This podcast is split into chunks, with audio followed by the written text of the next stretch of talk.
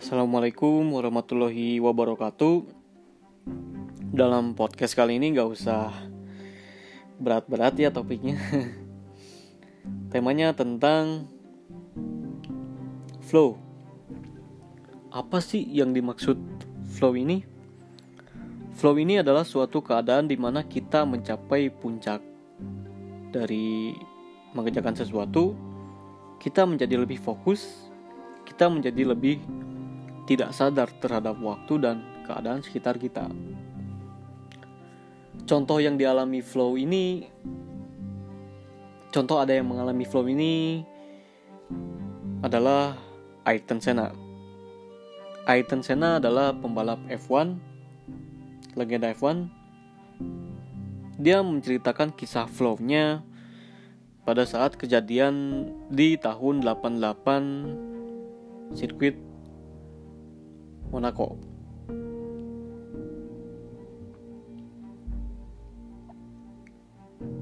Ketika dia mengendarai mobil F1-nya itu, dia seakan-akan ada sesuatu yang di luar dirinya yang menggerakkan mobil itu. Seakan-akan dia melayang.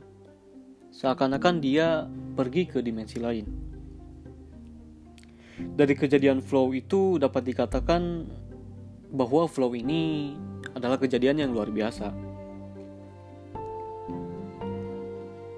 Dan untuk mencapai flow ini dibutuhkan konsentrasi penuh terhadap suatu pekerjaan. Dan itu ada kadarnya.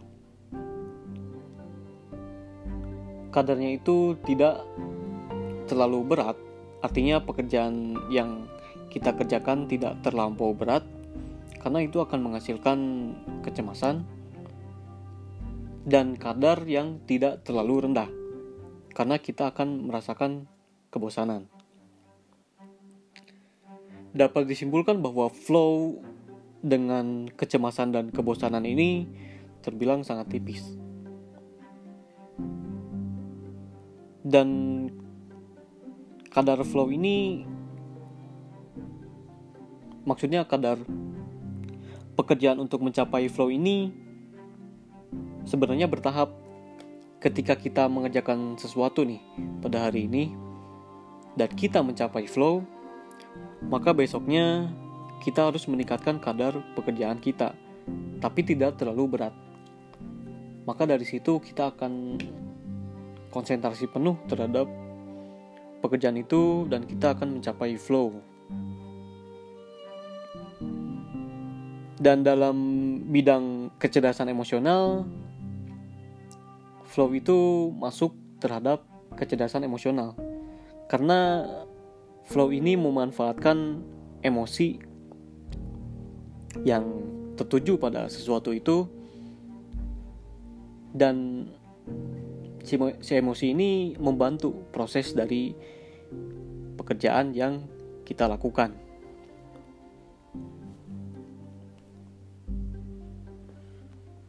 Dan flow ini terbilang cukup paradoks.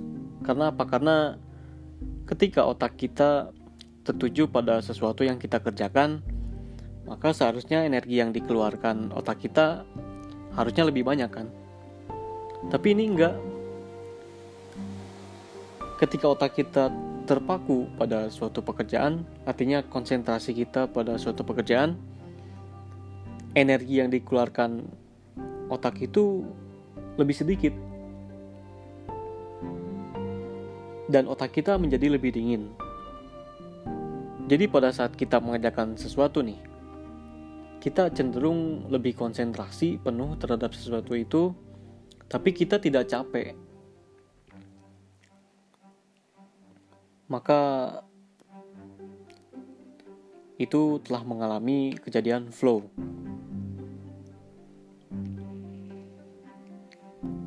Intinya flow ini adalah let it flow. Artinya mengerjakan sesuatu dengan ya lepas, let it flow. Oke, segitu aja sih intinya flow ini.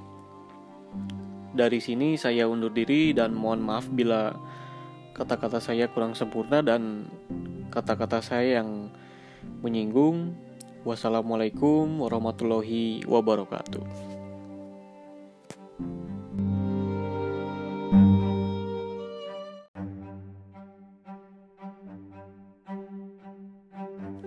Assalamualaikum warahmatullahi wabarakatuh. Sekarang ngomongin apa ya? nah, ngomongin yang simpel-simpel aja lah.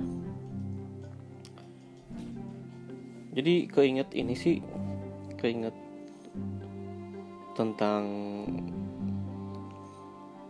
masa lalu gitu. Bukan masa lalu mantan bukan. Atau apa pun. Tapi lebih kepada zaman seperti perbudakan dan juga seperti sistem barter dan lebih banyak lagi. Kalau kita melihat ke zaman dahulu, kita memandang zaman perbudakan dari sudut pandang sekarang bahwa itu kegiatan yang sangat keji dan itu kegiatan yang sangat merampas hak asasi manusia karena banyak sekali orang-orang yang sesungguhnya tidak relevan karena budak dijadikan bawahan itu atas dasar bahwa mereka tidak punya kedudukan dan juga tidak punya harta. Emang ada bahwa manusia tidak punya harta, tidak punya harta, berarti dia rendah dari orang lain. Sebenarnya nggak ada dasar yang jelas untuk memberi jawaban itu. Dan kalau misalkan kita loncat kepada zaman perbudakan itu, kita cenderung mengatakan bahwa itu zaman yang paling paling apa ya paling penghinaan lah pokoknya buat manusia.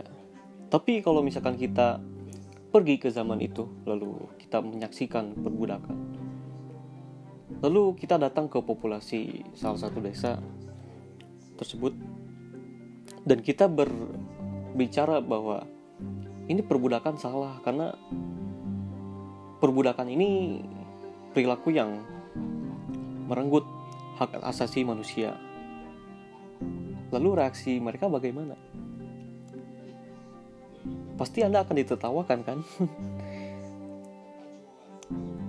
Jadi kalau misalkan berkaca dari situ yang namanya budaya ini dinamis karena gak ada standar yang menunjukkan bahwa kebudayaan itu tuh yang paling benar dan kebudayaan itu yang paling bermanfaat. Mungkin orang-orang akan mengatakan bahwa zaman sekarang itu zaman yang paling baik, zaman yang paling merdeka. Oke, bisa bilang begitu. Tapi kalau misalkan kita lihat pada zaman dahulu, kita lihat pada zaman imperium dan juga dan juga zaman Romawi dan Yunani, apakah ukuran kebahagiaan antara mereka dengan kita itu kita jauh lebih bahagia atau lebih sebaliknya? Kan gak ada standarnya. Jadi susah untuk mengukur bahwa sekarang itu lebih bahagia dari dulu. Oke, mungkin zaman sekarang manusia lebih dipermudah kehidupannya dengan teknologi dan juga pengetahuannya lebih luas karena berkaca pada zaman itu, zaman sejarah. Tapi setiap kelebihan pasti ada kelemahannya. Mungkin pada zaman dahulu manusia dia lebih kuat, dia lebih tangguh, dia lebih bertenaga. Karena kehidupan dulunya seperti bercocok tanam, terus ya mungkin banyak pada zaman sekarang juga masih bercocok tanam, tapi pada zaman dahulu dia masih murni. Dia tidak menggunakan teknologi dan masih menggunakan tenaga manusia. Alhasil pada zaman dahulu dan sekarang kelemahannya adalah sekarang kita semakin manja. Jadi gak ada ukuran yang jelas bahwa zaman sekarang dan zaman dulu tuh lebih baik mana. Mungkin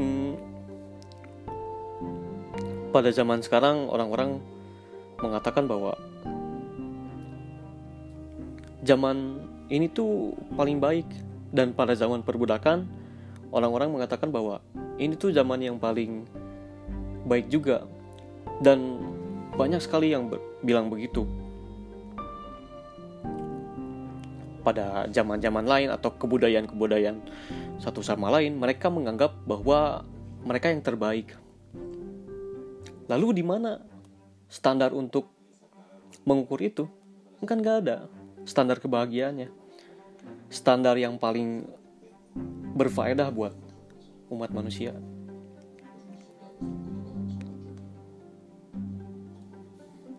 Jadi bingung juga kan.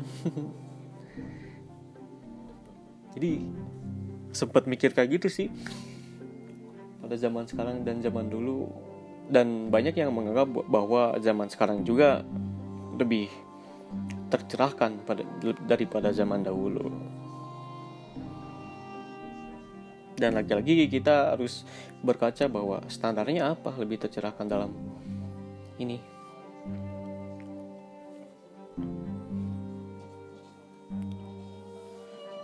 Dan kalau misalkan kita berkaca pada zaman sekarang,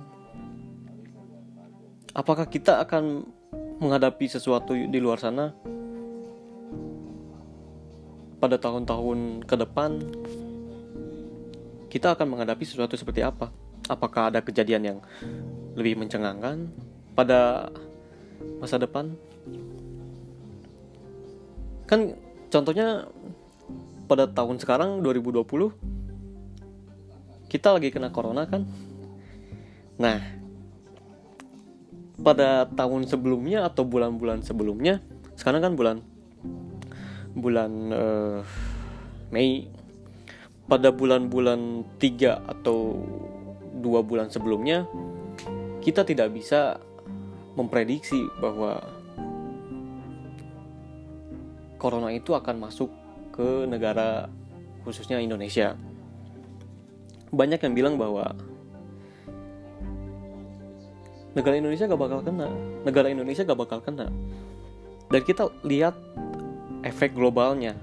Corona dari Cina dia menyebar kepada negara-negara lain dengan sangat cepatnya. Lalu kita berspekulasi bahwa wabah itu tidak akan masuk kepada negara Indonesia. Tapi buktinya kan kita kena juga. Jadi gak ada yang pasti bahwa kita memprediksi sesuatu itu gak ada yang pasti.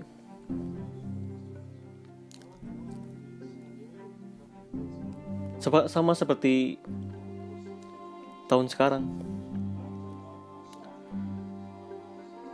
Kita lihat mungkin tahun depan akan terjadi seperti uh, kejadian seperti apa seperti apa tapi kita tidak tahu dengan percis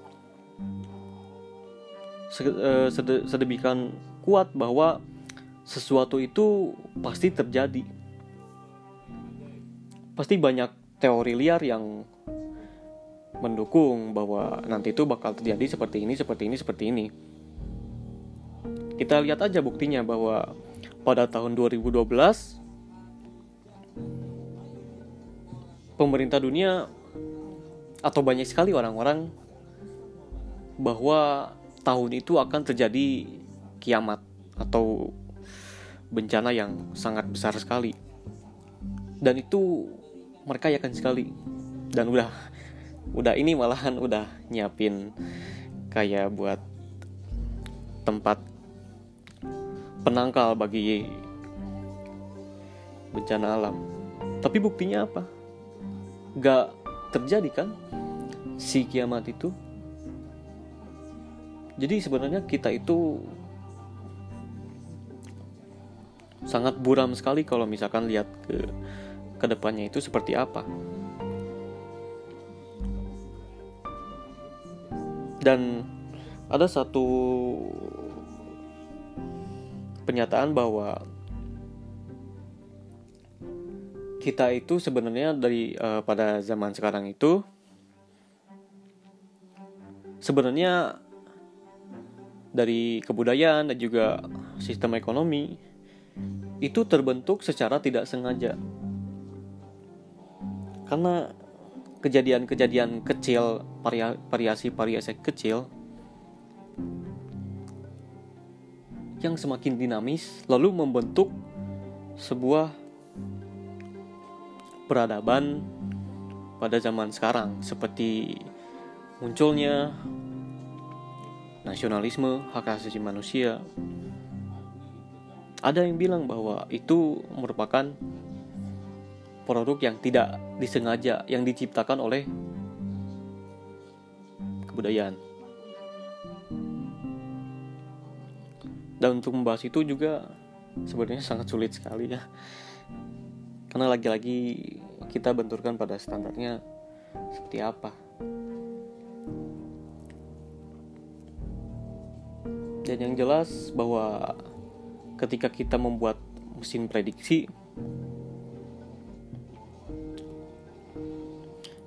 dan si prediksi itu dibuat dengan teknologi yang maha canggih yang maha pokoknya lebih terbaru pada zaman sekarang tingkat akurasinya lebih baik daripada zaman zaman sebelumnya zaman dulu kita memprediksi bahwa kejadian yang di depan mata kita itu akan seperti apa. Tapi balik lagi, apakah kejadian itu akan pasti atau tidak? Itu tidak akan ada yang tahu. Dan kalau kita melihat dari kacamata kita melihat pada sejarah. Pada zaman dahulu kenapa para